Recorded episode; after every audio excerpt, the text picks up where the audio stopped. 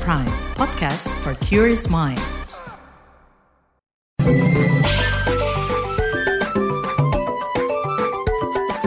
WhatsApp Indonesia.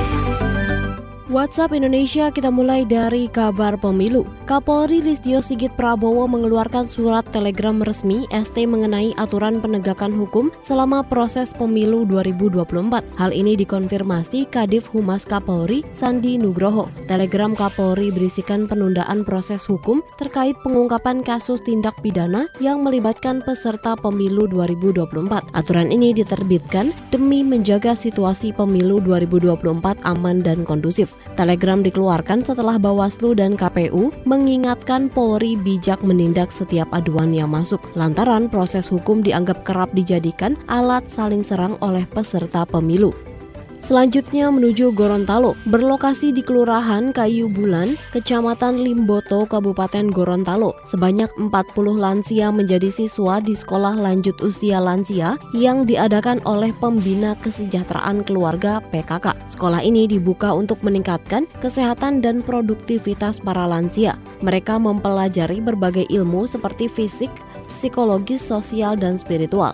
Fori Nawai selaku pembina dan ketua TPPKK Gorontalo mengatakan sekolah itu bertujuan mengurangi penelantaran dan diskriminasi terhadap orang tua serta meningkatkan pelayanan kesehatan pada lansia. Kegiatan belajar mengajar berlangsung selama enam bulan dengan 12 kali pertemuan.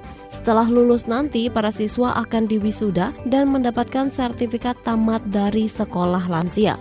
Terakhir kita ke kabar perfilman dalam negeri. Budi Pekerti menjadi film dengan nominasi terbanyak di Piala Citra FFI 2023. Film yang dimainkan Prilly Latukonsina, Angga Yunanda, Ines Febrianti, dan Dwi Sasono itu mendapatkan 17 nominasi di Piala Citra 2023. Padahal film ini dijadwalkan tayang 2 November 2023. Salah satu nominasinya adalah kategori film cerita panjang terbaik, sutradara terbaik, dan penulis skenario asli terbaik untuk Regas Banu Teja.